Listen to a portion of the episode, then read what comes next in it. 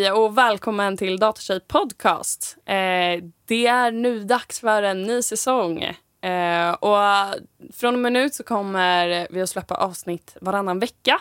Eh, som ni vet. Men förmodligen kommer säsongerna då bli lite längre istället och kanske inget juluppehåll sådär. Men vi får se. Eh, men jag vill också säga att jag jättegärna vill ha tips på gäster och att man kan mejla mig på podd.datatjej.se med gäster eller bara önskemål på ämnen eller annat som man tycker att jag borde dra in folk att prata om. Men till dagens avsnitt. Idag ska vi prata om frontend eh, och jag är här med Frida Kalin. och Therese Komstadis. Ja, och Therese, du har ju varit här förut. Nu glömde jag kolla upp vilket avsnitt det var. Men eh, konsultavsnittet från säsong två. Ja, precis. Då vi pratade om livet. Det hette nog Livet som konsult eller något sånt där. Ja, låter Eh, bekant. Ja, mm. Men eh, jag kände att eh, det behövs ett frontend-avsnitt. Och då tänkte jag också, eftersom att det är första avsnittet på säsongen, att varför inte dra in en annan, någon som är lite ännu vanare än mig med att podda. Och du har ju en podd som heter ASDF. Yes. Ja. Som man kan tipsa om om man vill höra mer frontend. Ja. ja, det blir rätt mycket frontend Ja, det, Eh, För det är, det är webb, för både jag och Anton är frontend-utvecklare. ja liksom. exakt. Ja, ibland, jag lyssnar eh, numera. Sist tror jag att jag inte hade lyssnat ändå. men nu, jag lyssnar. Eh, och eh, ja, men ibland är det ganska tekniktungt. Ja. Men ibland så är det också att man bara, ja men jag fattar och det här är... Så det, ja, det beror ju kanske på lite vad man är i sin frontend-resa som lyssnare. Eh, men tips, tips. eh, men jag tänkte att vi skulle börja prata om vad frontend är för någonting. Så jag lämnar över ämnet till er.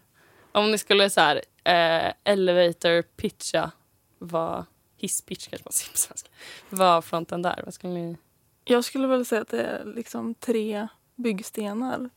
CSS, HTML och JavaScript. Där Mm. HTML är eh, språket man använder för att strukturera upp innehållet. Och CSS är eh, designspråket man använder för att göra sakerna fina. Mm. Eh, och eh, eh, JavaScript är för att lägga på funktionalitet till det man har fått fram av de Ja. andra språken. Snyggt. Och då blir det något visuellt. Ja, men exakt. liksom. mm. ja, alltså jag undrar vad jag, vad jag tänker. Det är väldigt bra, alltså, det är väldigt förklarande. Eh, jag var nog mer för så här, ja men det är koden du kör i browsern. Det är ju Ah, inte ah. heller riktigt sant idag med tanke på att har att, att man kan rendera saker på servern och grejer. Det var ju inte riktigt sant förr heller för då körde man också mera server eh, templates och sådana saker. Men, eh, men jag, jag kanske ändå vill hålla fast för liksom det som kör i browsern. Ish. Mm. Men inte appar. Alltså, jag tänker om du har en app, räknas det som en browser? Eller eh, fall... Eller är det inte frontend? Det beror på hur man räknar. Ja. Menar du en mobilapp? ja, men typ. Ja, det finns ju också desktop-appar, men det är väl kanske bara ett urklipp ur en... Nu ser ni min okunskap på ämnet. Men jag tror alltså när vi pratar om appar, de kan absolut också vara frontend-kod för man kan rendera webbvyer och sånt så man kan ta så, vyer som renderas i browsern kan man rendera i vad man kallar native appar som då är Android-appar eller eh, iOS-appar. Så då tar man in och säger den här länken ska du visa upp i min vy här i appen. Så det finns ju. Men vanligtvis brukar ju liksom mobilappar, det har ju sitt egna språk. iOS har, jag vill säga Objective-C eller Swift. Ett är det äldre och jag kommer aldrig ihåg vilket. Och sen har vi eh, för Android så kör man Android-appar i Java eller Kotlin. Liksom, Okej. generellt sett. Eh, och sen för desktop-appar, det är ju också lite en annan sak. Det är mer system man kör. Det finns sånt som Electron som hjälper dig att bygga ut appar till olika operativsystem. Så du kan bygga ett system för att få det i, i eh, Windows eller OS, Mac OS. Mm. Men sen så finns det ju även då för att lägga på det ett sätt att bygga mobilappar genom att använda det som vi båda sitter i, som jag förstår, alltså React fast React Native. Som man bygger i React och JavaScript och HTML eh, och som kompileras ihop då till, Ah, eh, till ett native-appar. Liksom. Ja, Ja. fattar. Mm. finns även en sån liknande som heter Flutter som man bygger ett språk som heter Dart som Google har eh, eller som Google har skapat som också bygger ut till eh, iOS och Android-appar. Mm. Det här var ju jättebra kunskap. För jag tänker om man sitter där ute och bara jag ska söka en IOH-utbildning, ska jag söka frontend app developer, då får man ju lite så här eh, Ja, då blir det väl lite mer nischat till Ja, just apputveckling. exakt. Man kan ju Då också välja en man- bredare Ja, eh, frontend-utvecklingskurs, antar jag. ja, ja. Har inte helt koll på utbudet, men Nej, men precis. Men jag vet att det finns väldigt liksom, det finns ju en väldig bredd. Men då Ja, får man kanske oh ja. lite bättre förståelse vad man har att välja på om man förstår. För det, jag alltså jag kan ju säga det till någon som inte lyssnat förut att jag är back-end developer så att jag, jag har så här selektivt lite kunskap om frontend liksom. Eh, och sitter nu lite i frontend men är ju en riktig noob så att eh, eh, ja, därav min, min okunskap. Ja, jag kan ju säga det också att jag har ju inte utvecklat mycket app. Alltså. Det är ju de jag har rört mig nära har gett mig mer gråa hår bara. Liksom, för att det är Mm. inte riktigt min scen. Nej, men samma här. Jag är webbutvecklare. Ja. Så Ah. ah, mycket lite erfarenhet av apputveckling. Mm. Testat lite för skoj. Men Nu måste jag, vad är det för typ av, eh, av liksom hemsidor ni utvecklar? Eller webb, liksom? eh, väldigt olika. Eh, mycket informationswebbar Mm. som är kopplade till ett eh, eh, CMS. Alltså ett eh, eh, gränssnitt för eh, redaktörerna som de loggar in i så att de kan Ah. editera texter och bilder och allt sånt där. Mhm. Och då mycket Optimizely. Ehm, eh, ja, informationswebbar och eh, eh, några intranät. Eh, men också interna eh, system åt eh, vissa banker sitter jag med nu. Mm. Så just nu så sitter jag i ett projekt där vi gör ett internt eventsystem åt en bank. Okej. Mm. Så ett webbaserat eventsystem. Fattar.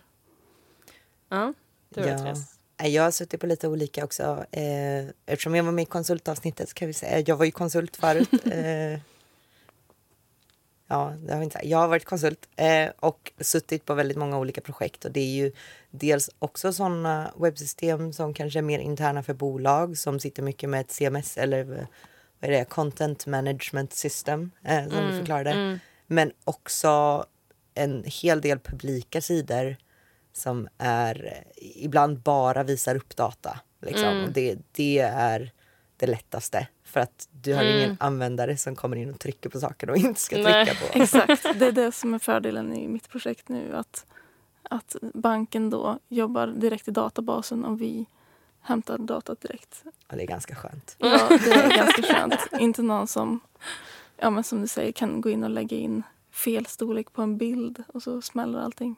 Nej. Men, men Ah. så, så väldigt olika projekt och väldigt olika nivå på vilken eh, hur gammal teknik vi ska stötta. Eh, Ja. hur, Mm. hur gamla browsers och hur, hur gamla eh, vad säger man, devicer som, som har en browser. Mm. Som, då blir det också olika eh, fokus på hur performant din sida är, alltså hur, hur snabb den är. För att Mm. Mm. snabbhet är en väldig liksom, em, vad heter det, jämställdhetssak i världen. Mm. Em, för vissa har inte alls lika snabb device eller uppkoppling som vi i Sverige har. Liksom. Ja.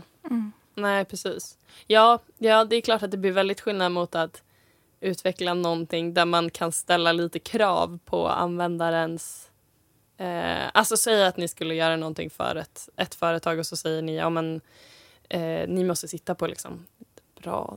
Ni kan inte använda den här i mobilen. Ja men exempel. exakt, är det kan man ju för- till exempel veta med den här banken då så vet vi exakt målgruppen och Ja, vad de har för datorer och skärmar på kontoret där man utgår ifrån dem. mm, Många sitter ju hemma också såklart.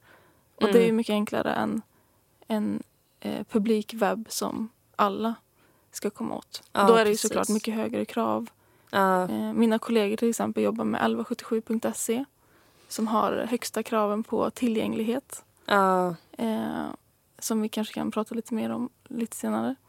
Eh, men det är ju jätteviktigt med tillgänglighet för att alla oavsett funktionsvariation ska kunna komma åt viktig information. Mm.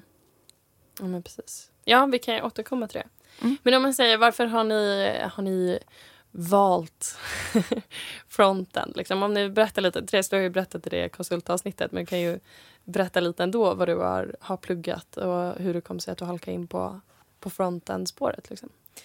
Ja, ehm, jag pluggade medieteknik på Linköpings universitet. Mm. Och det är, eh, det är väldigt likt en datalinje eh, linje så, men det är lite mera eh, kommunikation än det är hårdvara. Men annars Mm. är det de gamla vanliga reglerteknik och matte i mängder och, och liksom programmering i Mm. alla olika datastrukturer och så. Men det var ganska mycket fokus på visualisering, OpenGL, i C++ Mm. som är liksom ett sätt att, i alla fall innan det började dyka upp på, mycket mer tillgängligt än vad det är nu, att skapa 3D-grafik. Liksom. Mm. Eh, Så jag fick ganska tidigt prova VR-set och sådana saker och labba Mm. med. Och eh, det visade sig att jag var ganska då, dålig på det. Nej, men, men så att jag hade liksom knappt rört webb. Så sen Mm. Efter tre år så kände jag mig lite skoltrött och tänkte jag att ja, man kan börja jobba här. Så jag började bara söka jobb liksom, Mm. som var inom programmering. Och Mm. sen till slut så fick jag ett jobb där tanken var att man skulle bli en fullstack-utvecklare liksom, Mm. eh, för webb för ett internt eh, HR, eller vad säger jag, eh, Customer Relations system. Eh, Okej. så Så att- hur företaget kommunicerade med sina kunder? Eller? Ja, vad blir det? Jag har säkert använt fel eh, eh, grej här nu. Men deras sälj och supportavdelning använde sig av det här Ah. systemet för att Ja, boka på nya rimligt. produkter. Ja, ja, fattar. Ja. Eh, och då hade jag ju aldrig byggt system. Nej. Jag hade byggt små algoritmer i isolerade labbar. Ja, gud jag känner igen det från skolan. Så det var ju helt nytt. Det var så här, ja, här är styling, här är tester. Och jag här, tester? Ja. Så det var mycket så, så från början. Men, men efter ett tag så insåg jag att, att jag gillar logiken i det hela. Mm. Men jag är en person som är extremt visuell. Alltså att, att Ja. jag kan ändra någonting i kod och sen få det direkt på skärmen framför mig. Det tilltalade mig extremt mycket. Mm. Eh, däremot så tilltalade det mig inte alls lika mycket att så här, kolla du spann upp en ny Docker-container så här fort, var inte det nice? Och jag säger ja, jag vet inte vad vi gör liksom. Nej. Så jag, jag har svårt, när jag har svårt att följa informationsflödet då checkar jag ut lite känner jag. Så fronten passar mig otroligt bra därför. För att jag ser, jag petar här borta och då, och då sker det någonting på min skärm här. Liksom. Mm, mm. Ehm, så det är där jag tyckte det var absolut det roligaste. Sen tyckte jag det var jättekul att komma in i JavaScript och hacka otypat men eh, det är vi på väg bort ifrån. Eh, JavaScript är i grunden ett språk som inte har typer. Det betyder att man inte så här, säger att det här är specifikt en int eller en sträng utan du bara ser vad som händer. Typ. Ja, precis. Ja. Man kan, vilket också kan vara, jag sitter i Python som också är otypat. Ja. Att det blir så här, ja men nu är det här en siffra liksom. Men sen rätt vad det är så råkar det bli någonting annat. Så har den där siffran blivit, istället för att vara en femma med ett värde fem så har det blivit tecknet fem. Ja. Och det är skillnad. Nu kraschar det. Då kraschar det. ja, men vill du berätta lite Frida? Eh, ja, jag eh, pluggade på Karlstads universitet eh, Mm. och då heter linjen IT-design med inriktning systemdesign.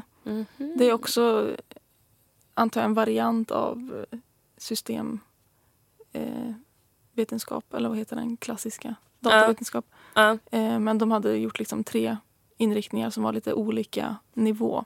Min Var det liksom- ett kandidatprogram eller? Ja, Ja, mm. så jag är en kandidat i informatik. Okej. Så Mm. min linje var liksom mittemellan. Eh, det fanns en som var ännu mer programmering och en som Mm. var ännu mindre. Mm. Eh, så det var väldigt eh, generellt. Eh, vilket jag tyckte var jättebra för jag visste inte exakt vad jag ville eh, jobba med. Eh, inte ens när jag var klar. Eh, man bara visste, hade testat lite olika och visste ungefär vad man tyckte var Ja. roligare än andra saker i alla fall. Ja. Men jag sökte mig då till Stockholm och eh, fick jobb eh, på Knowit. Mm. Så jag jobbar på Knowit eh, Experience Stockholm och är kvar där fortfarande. Eh, började 2014 som trainee på deras traineeprogram. Mhm. Vilket var ett perfekt sätt att komma in i, i IT-branschen. Mm. För då börjar liksom eh, karriären med eh, x antal månader med utbildningar inom olika Mm. områden. Mm.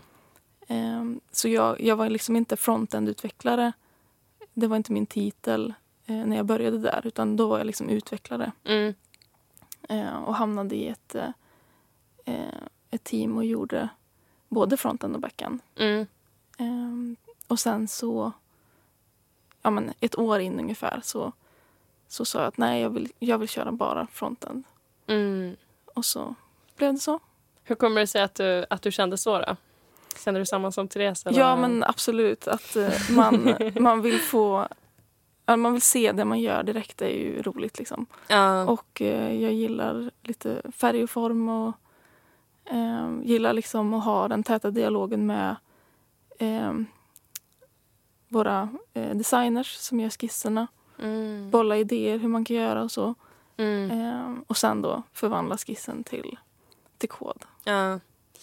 Ja, alltså det är väldigt rewarding med fronten. Dels på det Mm. sättet att man själv ser det, men också jag som har suttit i ett kundprojekt eh, nu och liksom gjort backend. Vi byggde upp typ nästan, alltså större delen av backend innan vi började med fronten för att ha ett API klart. Liksom. Mm. Ja, ett API är liksom när, ehm, när du behöver information som finns i en databas eller liknande eller du behöver göra en beräkning eller ta fram någon slags data så skickar du en eh, förfrågan till API från frontend och så får du ut eh, data som du sen kan visa upp. Eh, och det finns så här, publika API man kan hämta från eh, liksom, eh, FASS. Eller så här. Deras är i och för sig inte publikt, man måste ansöka om att få, Mm. få den informationen. Men liksom, Statistik... Eh, vad heter det? Statistikbyrån ja, har publika. Många myndigheter har Ja, publika. exakt, ja. så att man kan plocka ut data men sen så är det ju vanligt att man bygger sitt eget API för att kunna få ut så här, Mm. användarinformation och olika grejer. Eh, men så vi byggde upp allt det först innan vi började med frontend. Och varje gång vi liksom presenterade mot kunder var det så här, ja nu har vi Ja, gjort det exakt. här i backend. Och de bara, ja okej, bra. De är så inte utvecklare, har ingen aning. De bara nickar och ler. Typ. Mm. Och nu när vi har börjat presentera fronten, de bara wow! Åh, vad, gud vad nice! Och bara, så här får man en liten varningstext om man fyller i fel. Åh, gud vad bra! och vi bara, alltså, det här var ju lättare än, alltså för att det var väldigt simpelt det första Mm. vi gjorde, liksom, än allt vi har byggt tidigare. Men det blir som wow, mycket mer wow-effekt. Ja men exakt. Än den här dockecontainern som man spinner upp jättefort som du sa också. Lite otacksamt att vara backendare ibland. Ja, man får inte lika mycket cred känner Nej, jag. så känner Nej. i, till det. Jag var med om en gång att ja, men just den här informationen man får får man ju ofta i någonting som heter JSON som bara är liksom ett textformat som man kan se i, i browsern. Så Mm. Jag kommer ihåg Mm. en i mitt team skulle försöka dema det han hade byggt på så länge och liksom Mm. smällde upp den här JSONen på skärm och, och alla i ledningen så här bara Ja, Okej. okej. Inte så imponerade. Nej. Och vi har till och med för vårt API, det finns, eh, jag kommer inte ihåg vad det heter. Ja, det står still. Men det finns som man kan eh, göra så att man kan se en Swagger. Swagger. Swagger, tack. Mm, det använder vi. Eh, så att man liksom, ja men så att det är inte bara att det kommer ut bara det där JSON utan man kan också se, ja men här har du de här olika variablerna du kan fylla i. Man kanske fyller i ett användar-id för att få ut eh, mer Mm. information om användaren till exempel. Eh, så att vi gjorde ändå så för att försöka få lite wow-effekt. Mm, ja, men det är jätteeffektivt. Det använder vi och det är jättebra för oss frontändare Ja. också att se vad man faktiskt får. Mm. Ja, exakt. Och så är det lättare att säga, är buggen i frontend eller är Ja. buggen i, i backend? Ja. Blir datan fel från början? Eller? Jättetacksamt vid felsökning. Absolut. Ja, ja, verkligen.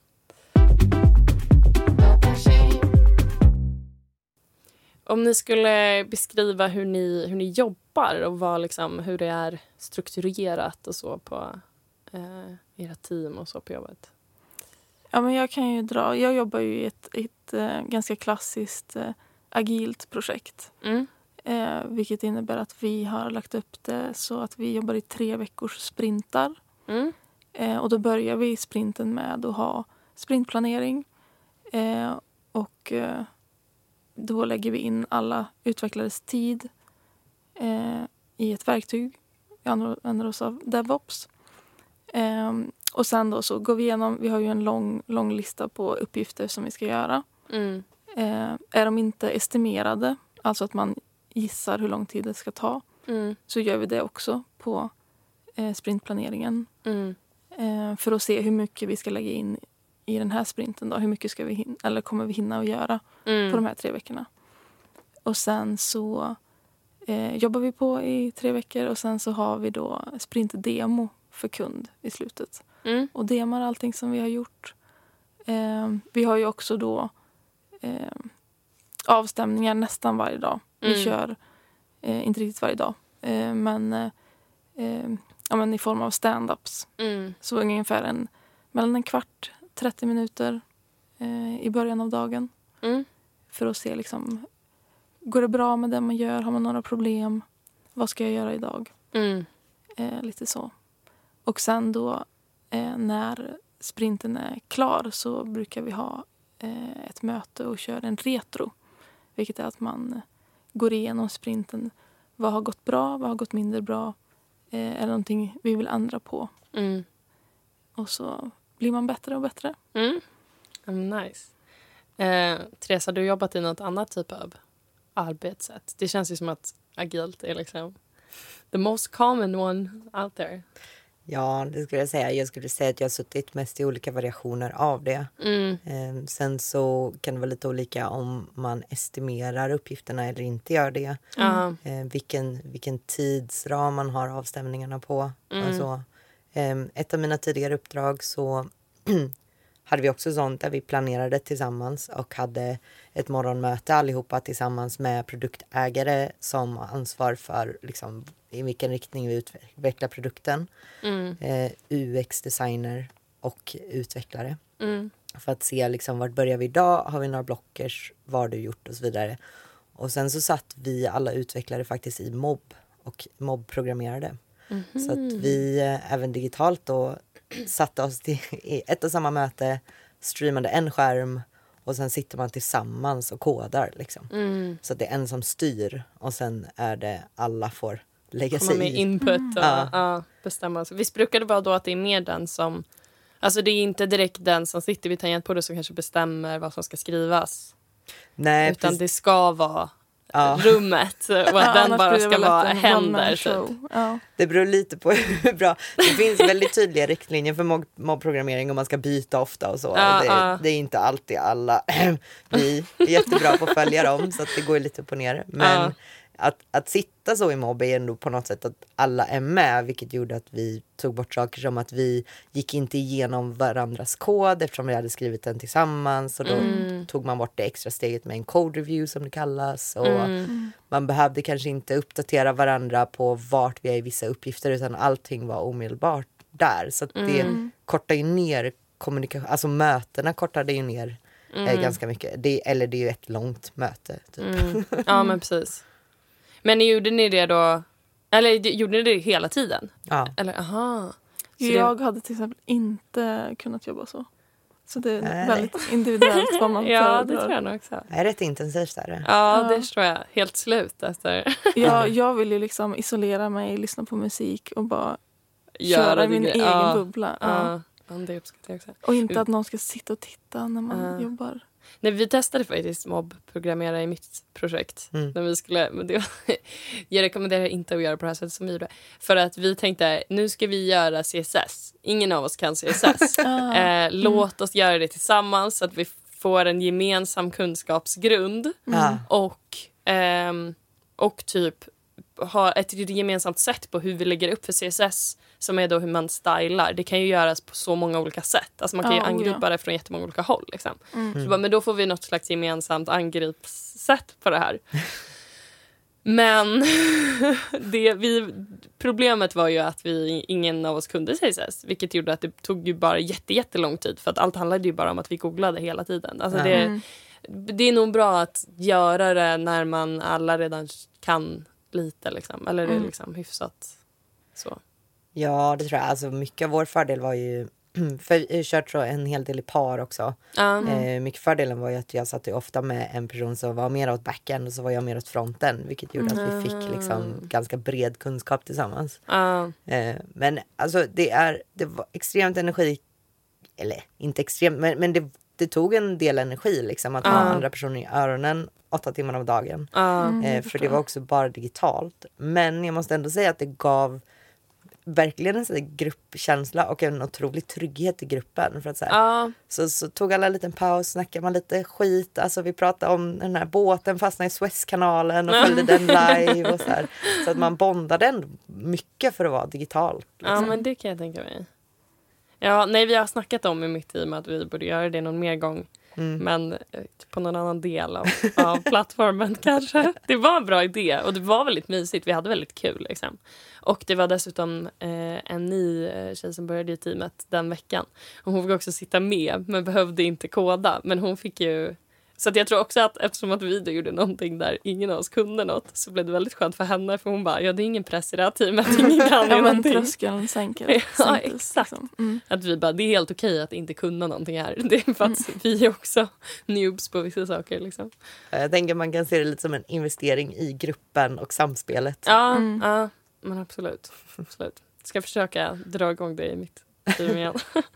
men om man säger, ehm, vi har snackat lite, liksom, eller typ, eh, rollen designer eh, har ju kommit upp lite nu när vi har Mm. pratat. Vad, jag antar att det kan väl vara ganska olika tänker jag i olika team och på olika arbetsplatser. Vad, vad som är frontändarnas uppgift och vad som är designernas uppgift. Men skulle ni bara vilja berätta lite generellt Ja, eller hur kan- det har varit hos er? Och sådär. Ja, men I det projektet som jag är i nu så har vi ju en, en AD då, som är förkortning för Art Director Mm. som då gör skisserna. Hon är också en UX-person, alltså Mm. user experience. Hon kan också interaktionsdesign och Mm, hela användarperspektivet. mm, Eh, vissa är bara AD och eh, då kanske det är någon UX-person som har gjort, eh, eh, vad kallar man, innan det blir visuella skisser så gör man, Typ wireframes. ja men exakt, wireframes.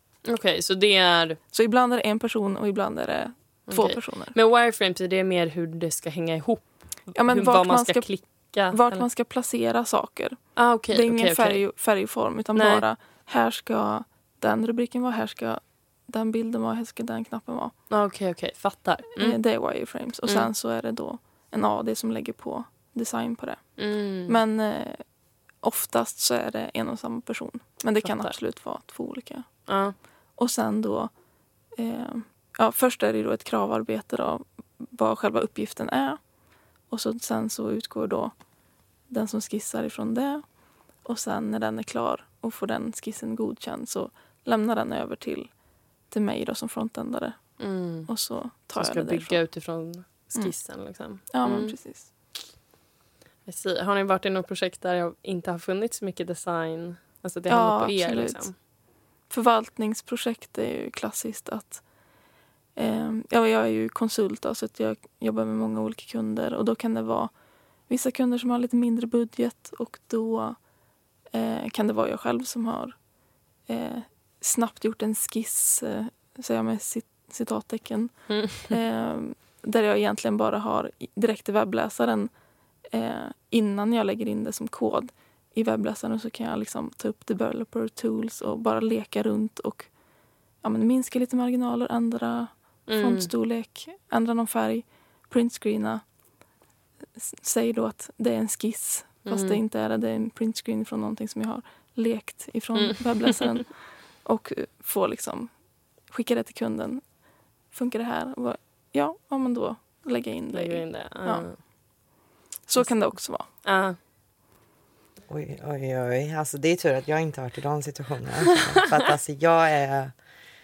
jag, jag, alltså, jag har försökt många gånger och liksom här är en, en blank yta, gör någonting. Som är fint. Ja, det ser alltid ut som skit. Alltså, jag, jag vet inte hur jag lyckas men det är så här mest små saker, bara så här, ja, det, det ser ut som skit. Ja. Eh, Så jag har verkligen inte design Ja, men där är man ju olika och det är bra att, att man är olika. Ja. För då kompletterar man varandra. Ja. Så jag har verkligen haft tur att få jobba med designers och UXare liksom under hela tiden. Men sen är det ju så här, finns det ett utgångsläge så har jag ju, alltså jag känner att jag har tränat upp mig väldigt bra på att se, Det där är bra, det där är dåligt. Typ. jag också är det samma avstånd här borta är det och som det är här Ja, borta. Och när jag klickar på saker känns det naturligt att göra det eftersom vi alla använder ju rätt mycket Ja. system. Liksom. Det kan man verkligen haka upp sig på. Är det här ett klick för mycket att trycka på den här knappen, trycka på den här grejen och så vidare. Sånt kan man ju se. Ehm, men nej, jag, jag har haft väldigt tur att jobba med många, många bra designers och Ja. jag tycker verkligen om att ha liksom en dialog med designer. Mm, samma här. Så här att, ja, jag gillar också just när man är på det här sista fixet att vi kan sitta tillsammans och typ jag ändrar i browsern och de får testa så att de får se hur det ser ut live och så Ja, kommer vi men fram exakt. till något tillsammans. Jag älskar den liksom kommunikationen. Ja. Ja, men jag har också väldigt eh, tajt dialog med, med mina ADs. Mm. Eh, jag gillar att ha mycket åsikter om hur det ser ut. Men ib- ibland så kan ju kraven vara så pass eh, eh, ospecifika att man kan tolka det på olika sätt. Och då Ja. kan det ju vara att vi kommer med ett förslag och då bollar vi det tillsammans. Mm. För det går inte att göra på alla sätt på grund av tekniken till exempel. Nej. Eh, så då får man hjälpa ADn. Liksom, att, Nej, vi kan inte göra så på grund av ditten och datten. Ja, Men vi kan göra så här istället. Exakt. Till exempel. Ja. ja. Nej, jag känner verkligen igen det du sa Therese, när man ska göra något och så blir det skitfult. För jag skulle, där vi sitter med nu, skulle jag göra en skiss. Och alltså att skulle bara... Alltså jag skulle göra någonting. Egentligen skulle jag bara göra vad är själva flödet. Mm. Så jag gjorde typ i eh, Adobe XD som är så här klick. Alltså, Man kan skissa, man kan göra jättefint om man kan. Men jag skulle egentligen bara göra så här. Eh, det här, lite, eller egentligen anledningen till att jag gjorde det var för att kunna undersöka vilka API kommer vi behöva. Vilken typ av data behöver vi få ut och hur bör den datan se ut för att vi sen ska kunna visa upp det. Liksom så. Mm. Eh, nej men det var så fult. och sen så skulle jag lämna över den här jättedåliga skissen till designen. Som skulle liksom göra en design åt oss. Och då, nej men alltså. Dels så var det, det var förmodligen också för att den här designen inte var så super ehm, engagerad. För det var verkligen, oj, det var verkligen ett så här kort gig för honom. Det var så här, Mm. komma, kan du göra den här lilla designen åt, åt dem så ska de bygga det sen. Ja, absolut. Och jag liksom ska bara, ja, typ det här behövs. Och så hans första utkast, så hade han typ byggt det jag hade gjort men i rätt färger. Och jag bara, nej, nej, nej, nej, nej. Men han skulle inte bli inspirerad av dig. Nej, exakt, exakt. Ja. Jag bara, du skulle fatta att det behövde vara en knapp men du, du hade kunnat gjort det fint. Mm, ja, men precis. Men det blev bra till slut så det var gott. Men det, sånt tycker jag är lite kul, eller kul och kul. När man ser äldre system Mm. så ser man ju direkt, ja det där är inte en frontändare som har varit med i den bilden. ah, Eh, ah. Och in, ja, men, jag har också mycket fokus på tillgänglighet. mm. Och eh, då ser man ju också väldigt snabbt att det här är ju inte tillgängligt för fem öre. Till exempel att det inte är rätt kontrast på färger, är för Ja. tajt mellanrum ja. och så vidare. Ja, nej men exakt.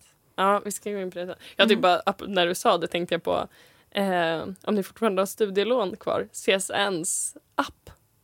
Ja, jag, inte jag har inte gått in, jag har autogiro. Ah, okej. Nej men alltså den, jag vill nästan ta upp och visa för dig. Nej men den ser ju ut som att det är 2014. Men det där är old school webb alltså. Ja men alltså jag blir, jag måste ta upp nu. Om ni, om ni sitter där hemma, ladda hem eh, appen. Eh, nej men det ser ut så här. Så att jag kan berätta nu att det är till och med så att det finns, det är en svart bar högst upp och längst ner för att den är inte anpassad till den här skärmstorleken. Och när man ska logga in då så är det liksom verkligen, det är ett gammalt, nej nu har den ändå ändrat sig kanske. Förut var det ett gammalt tangentbord. Alltså Mm. gamla iPhone-designens tangentbord. Mm. Ehm, alltså, ja. Eh, Verkligen ett sidospår. Men alltså, då blir man ju att man bara... Ja, men det, det finns mycket webbar som borde eh, uppdatera sig. Uppdatera. såklart. ja.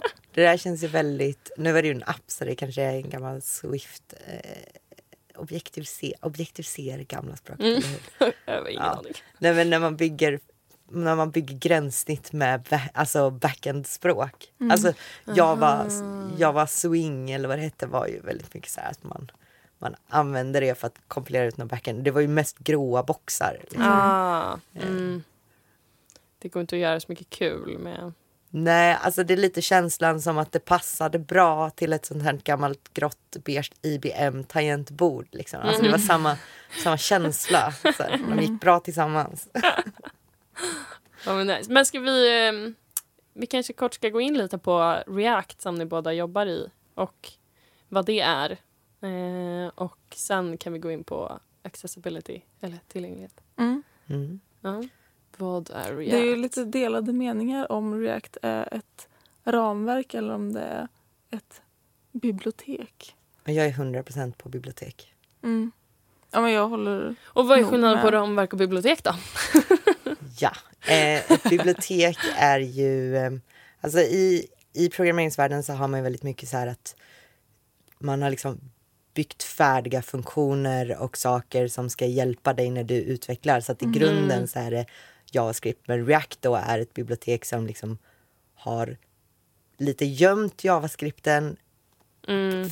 i liksom det som är deras sätt att bygga det på. Så man använder deras funktioner istället och får väldigt mycket på köpet. Alltså det renderar om bättre, det är lättare att få ut förändringar i browsern och så. Jag vet inte hur jag ska förklara. Men, ja, men man får hjälp att bygga mer komplex kod.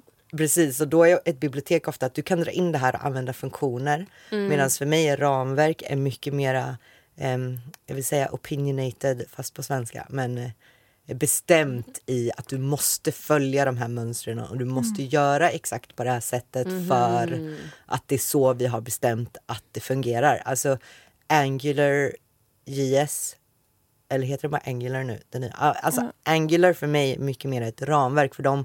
Du måste följa specifika mönster Mm. som de Ja, men har det satt är ju upp. 100% ett ramverk. Ja. Mm. Medan React är mer så här, dra in det här. Det finns riktlinjer för hur du kan bygga det bra men du kan också bara gå bananas liksom. Mm. Som jag och mitt team med noobs gör just nu. Kanske. Men man ska testa sig fram. ja, ja, ja. Det finns inte bara en rätt väg. Nej, men det finns många fel vägar också. Ja, jo, absolut. Jag har också gått fel vägar. ja exakt. ja, men, eh, men nice. Det kanske... Eller vad om man säger... Eh, eller jag tänkte bara på om React då inte är ett ramverk. Vad ligger det i för ramverk? Eller säger man då... Nu kanske jag ställer dumma frågor, men... Nej, alltså du kan ju använda React och dra in det som ett bibliotek och bara använda React liksom. Och så Mm. väljer du själv hur du ska bygga upp det och sen kan du dra in fler paket till exempel för att hantera sidvisningar eller att gå från en sida till en annan i browsern. Mm. Det kan du dra in ett annat paket som, som kan hantera. Till exempel ett som heter React Router som Okej. är väldigt kompatibelt med React. Liksom. Ah, så då behöver inte det vara React. Så, man, så det kan man använda som ett argument för att det inte är ett ramverk för du kan dra in saker som inte hör till ramverket. Exakt. Ja. Eller Mer flexibelt. ja, det. du kan bygga ihop ditt egna ramverk nästan. Fattar. Eh, Men sen så håller vi på att komma in i, som min kompis brukar säga, metaramverkens tidsålder tror jag. Eh, så att det finns även nu ramverk som bygger på React. Som är mer, alltså till exempel om man har hört talas om Next eller Nuxt eller Remix. Så är det mycket mera så här, så här ska du bygga det. Det du får med att vi renderar det på servern. Du använder våra funktioner på det här sättet men du skriver det i React. Så att de har Fattar. dragit in libbet och byggt ett ramverk runt. Liksom. Fattar. Och Next finns ju att man kan dra in Angular om man vill. Man kan ju dra in Vue som också liknar React lite grann. Eh, så man kan välja själv. Fattar. Gud, jag lär mig. Och vi till exempel i mitt projekt eh, kör vi React och eh, vi har valt att styla med hjälp av något som heter Styled Components till exempel. Mm. Som är en grej vi har dragit in. Mm. eh, Ett som bibliotek eller? Ja men Ett- det, jag vet inte exakt vad man ska kalla det men eh, ett hjälpmedel för att styla Ah, okej. React-komponenterna. Aha. Ja, det där är väl style, style in JavaScript. Vad heter det? Att, att man, man stylar med hjälp av JavaScript. Ja, precis. det är Ah, också okej, väldigt mycket okej. delade meningar om man gillar det eller inte. Jag var skeptisk Mm. till en början, eh, men nu är jag fast. Nu är det högt. Mm, exakt. Oh, nice. Ja, men ska vi gå in på accessibility? Det kan vi göra. Eh, ja, vill, vill någon börja och pitcha vad accessibility är för något? Ehm, ja, men tillgänglighet, eller man kan också säga VCAG eh, på engelska. Det är den engelska förkortningen som står för Web Content Accessibility Guidelines. Mm. Eh, och den har kommit i olika versioner och nu är vi på version 3. Okay. Ehm, och eh, det handlar ju om att eh, alla i samhället ska ha eh, kunna komma åt eh, information på webben Mm. oavsett, oavsett vad man har för funktionsvariation. Mm.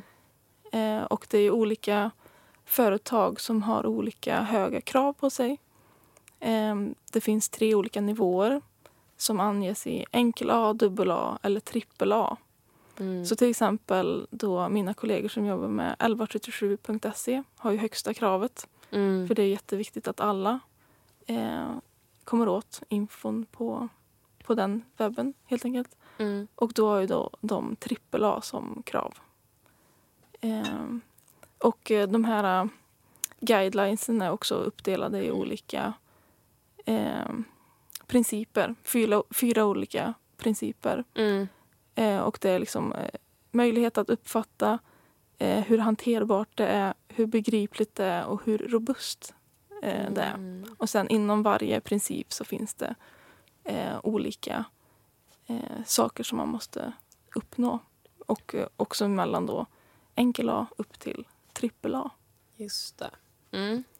Ja, jag brukar tänka lite på eh, vilken typ av funktionsnedsättning man kan ha när man pratar om det. Alltså, Mm. Den tydligaste är väl att ha en nedsatt syn. Liksom. Ja.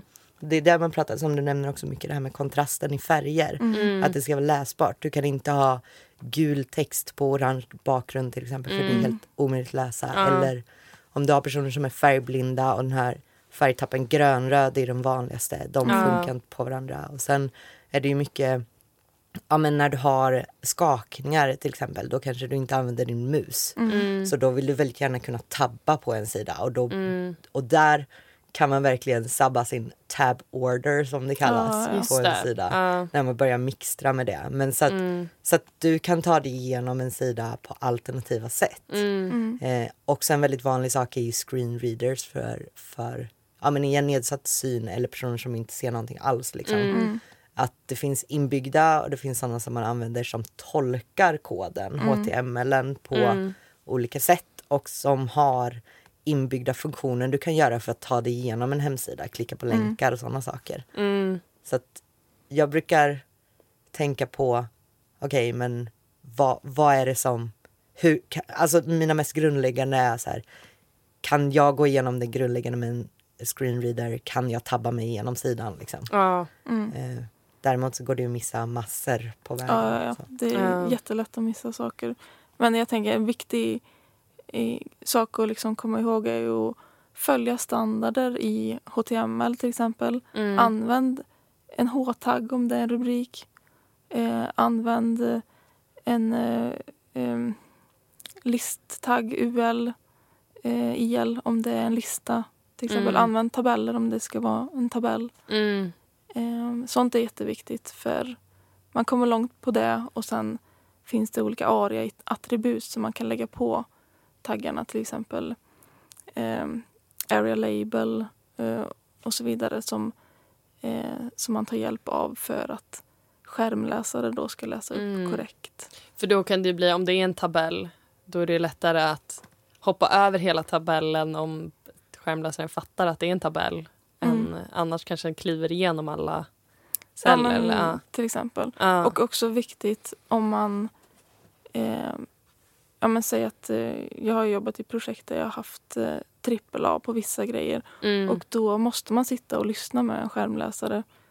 Också Mm. olika skärmläsare funkar på olika sätt. Det är det som är lite svårt. Eh, Mm.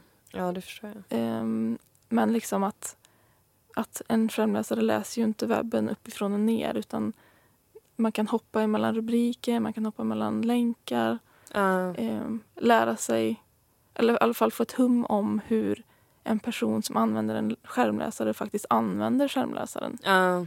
Så att man precis. använder det på samma sätt som de som faktiskt ska in Mm. på webbsidan. Mm. Ja, men exakt. Ja, så här, att ta bort information som inte är nödvändig och fundera på att information Mm. är korrekt. Alltså till exempel som ett, om du har en ikon som ett kryss, då Mm. kanske man ofta tolkar det som stäng. Det är Mm. väldigt tydligt när man ser det. Men Mm. om, om titeln som bara läses upp är eh, kryss, Mm. det kanske inte är lika tydligt. Det, det kanske istället borde stå stäng. Ja, Så att det Mm, blir tydligt. exakt. Eller om man, som jag har en tendens att sprinkla emojis lite överallt. Ja. De, de är ju inte viktiga för någon som inte ser dem att snappa upp om det inte är så att jag använder dem till något specifikt. Och då kan man ju Mm. till exempel säga att de ska vara area hidden. Mm. Area är ju den här eh, attributet som du pratar om som, Mm. som är till specifikt för accessibility, eh, för förändringar på HTML-kod. Mm. Liksom. Mm. Ja, Eh. precis. Men visst finns det också verktyg som kan göra såna här checkar? Ja, det finns det som man kan ta lite hjälp av. Mm. De är ju tyvärr aldrig hundraprocentiga utan de, Nej. men de hjälper en absolut en, en bit på vägen. Mm. Sen så behöver man den mänskliga faktorn. Ja, också. Ja, det är klart. Eh, men man kommer absolut en bit på vägen Mm. med det. Man kan sitta med det samtidigt som man utvecklar och göra en, en bit och sen så kan man köra igenom med ett verktyg som kollar igenom och så ser man, ja men där har jag glömt. Men till exempel på en bild att det saknas en alt-text. Mm. Eh, sen kan det vara en bild som är, om den är dekorativ så behöver den inte alltid ha en alt-text utan då gör man så att den Inte läser upp det. Ja, Liksom. men Ja. precis. Som att den inte finns. Ja. Men är det en bild som är viktig för innehållet så behöver man ha en bra alttext som Mm. beskriver bilden. Mm. Jag, kommer, jag, kommer, ihåg, jag hade en workshop med, med byrå Funka som em, konsultar inom det här ämnet och de skulle Mm. lära oss hantera screenreaders och accessibility på mobilen.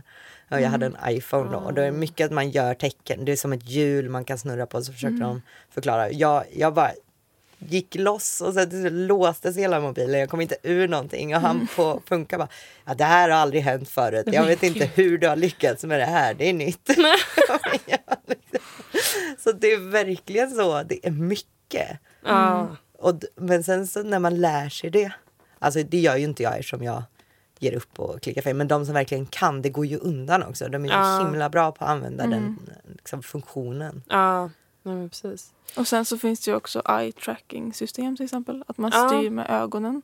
precis Och då är det ju viktigt att det är tillräckligt med marginaler till exempel mellan, mellan olika knappar till exempel. Så att, ja. så att man kan trycka på en knapp med ögonen ja. till exempel. ja, men precis.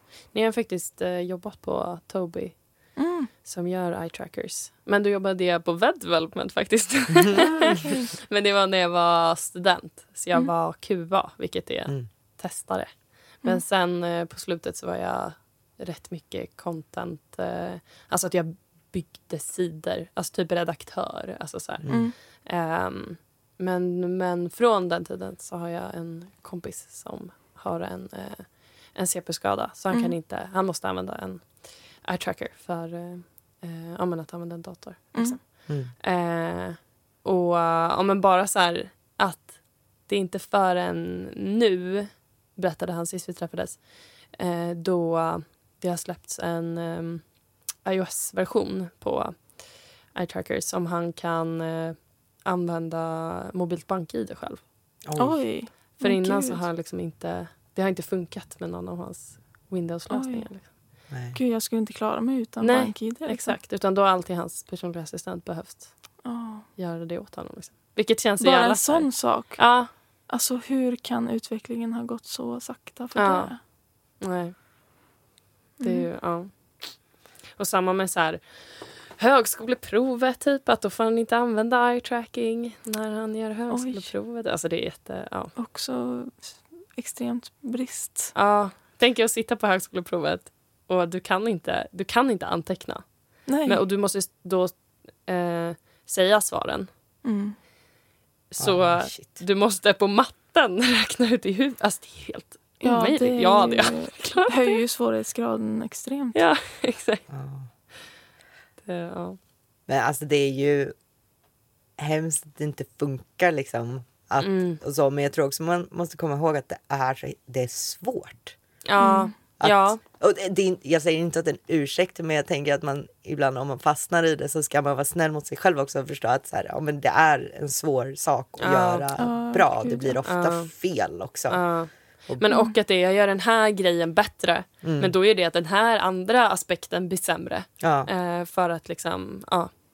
Så det är ju verkligen, och lyckas designa någonting som både är snyggt och Ja, för det är ju också Sen- viktigt att, att alla roller har koll på ja, tillgänglighetskraven så att vi inte får... Ja, men för det har ju hänt att man har fått eh, skiss på någonting som inte har tillräckligt bra kontrastvärde i färgerna ja, till exempel. Och så får jag säga till att nej, nu måste ändra färg för det här blir inte godkänt. Till Nej. exempel. Så det, och samma sak för QA då, som är eh, testare, quality assurance mm, eh, står det för. De måste ju också ha full koll på tillgänglighet om de Ja. är testare inom ett sånt projekt. ja men precis. Ibland kan jag känna att det blir väldigt mycket på mina axlar för att Mm, ibland är det jag Jag som är den som har mest koll ja. och jag har inte full koll. Nej, Och då tycker jag att det blir jobbigt. Eh, man gör så gott man kan men man känner att ah, det, jag är inte hundra procent säker på det här. Ja, och det kan jag också tänka mig att det kan vara svårt att få igenom. Alltså om man tänker en liksom liten eh, något, en ny produkt eller en ny hemsida som ska ut eller liksom någonting att eh, det kan ju vara svårt att få produktägare och så vidare att förstå hur viktigt det är och Mm. att välja då, för det är ju ändå att lägga tid på det är att lägga pengar på det. Liksom. Mm. Ja, Eh, men så är att det det ju. ska bli bra. Men eh, det kommer ju mer och mer krav eh, som gör att företag måste lägga, lägga pengar på det. Ja, Vilket jag tycker är jättebra för att eh, ja man verkligen. eh, isolerar ju folk eller må, förlorar ju eh, besökare. Ja, ja men exakt, exakt. Ja, och då går de ju till en konkurrent om det finns Ja. en konkurrent. Liksom. Så det, 100 procent. Ja, alltså jag tror att i Norge är det väl lag för all publikwebb tror jag. Mm. Att uppfylla vissa krav. Gör de inte det så får de väl ett tag på sig men kan också få böter dagligen. Mm. Om jag inte Mm. missminner mig för det. Det blir ju mer Snyggt. kostsamt. Mm. Smart. Ja, jag känner igen det här när man, man har lite koll och så hamnar det på en och sen så kommer det något nytt, typ ett tooltip. Mm. Kommer jag ihåg. Ja, det var, jag fattade inte alls hur jag skulle lösa det. Liksom. Ah. Så var man lite dåligt. Men för att få allas uppmärksamhet då kan man göra som jag råkade göra. Att jag var uppkopplad på soundbaren och började köra screenreader på sidan. Åh! Jag började läsa upp allting i hela öppna kontorslandskapet. Jättebra! Icebreaker. Få med alla på tåget. Så att Ja, säga. exakt. Kolla vad dåligt det läser. Du, jag var på en konferens en gång och blev så imponerad av en, en kille som, eh, som är blind. Så han använder ju skärmläsare Mm. och är programmerare. Mhm. Så han eh, kodar med hjälp av en skärmläsare. Coolt. Och han visade ju då när han körde i sitt tempo. Han har ju liksom på dubbla speeden för att det ska gå fortare. Och ja, man hängde ju inte med överhuvudtaget. Så det var så här sjukt imponerande. Ja, verkligen. Var han eh, ja, men blind sen födseln eller hade han blivit Ja, jag, blind? jag tror att han Ja, var det. Men det, man blir ju imponerad. Man bara, jag har lärt mig Mm. programmera och ser. Att Mm. lära Ja, sig programmera och exakt, inte se. Exakt. Alltså, Jag, tror Högre jag, tröskel. ja. ja, jag såg en film på det, kanske inte för samma person men också liknande. Så där, kontorsplatsen, det var ju bara ett tangentbord. Ah. Fan vad sjukt. Ja. Ja, Man bara, ja, för vad ska han med en skärm till? ja men exakt. Ja, jäklar. Men ja, jag bara, alltså, någonting som är bra med tillgänglighet är ju liksom, jag såg ett snack från ett namn som jag inte kommer på just nu. Ja. Men, ehm, som hette, tror jag, You were only supposed to blow the bloody doors off. Ehm, och, och då pratar, det, är, det är någon filmsketch där de ska spränga en van. Då skulle de bara spränga bort dörrarna men de spränger hela vanen. Och det var liksom som en metafor för när man börjar med tillgänglighetsgrejerna. Att som, som, som Frida, som du sa, alltså, att man borde jobba på att ha bra HTML-semantik, alltså rätt taggar för dess specifika uppgift för du kommer extremt långt på det. Det är också någonting du kommer extremt långt på när man pratar om sökmotoroptimering och sådana saker. Att Lär dig skriva så bra semantisk HTML som möjligt för att det är lätt ofta så när man börjar prata om accessibility att, att man bara börjar prova alla nya häftiga funktioner som finns och det blir totalt ogenomträngligt istället för alla inblandade för att man, man tror att så här, jag har löst det. Nej, du skulle bara göra det liksom hanterbart, inte balla ur. Ah, Fattar. Ett väldigt, väldigt långt sätt att säga det på. Men, Och så, det är inte så in, vad säger man, intuitivt att man förstår att det är det som menas med you were only supposed to blow the doors off. nej men det var så härligt, men jag tror det var, att det var så brittiskt och härligt också. Men det är ju bra. Det är ju, det är sådana metaforer man gillar också för det är någon som fastnar. Ja. Alltså om någon har någon tråkig förkortning man bara, det där kommer jag inte komma ihåg.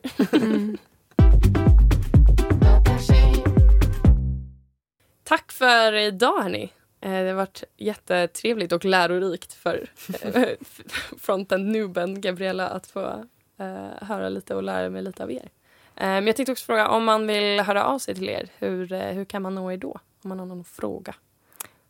Man kan mejla mig på frida.karlin, K-A-R-L-E-N, snabel knowit.se. Super. Och det Therese? Ja, det får bli eh, t.comstadius at gmail.com. Super. Eh, och så vill jag bara tacka Tom Gorrand för introt till podden och eh, Sonica Studio för att vi får spela in här. Så tycker jag att alla som lyssnar som inte redan är medlemmar borde bli medlemmar på Datatjej på datatjej.se och följa oss på Instagram, Facebook och LinkedIn där vi heter Datatjej. Och har ni några frågor eller tankar eller tips och så vidare så är min mejl podd datatjej.se. Tack!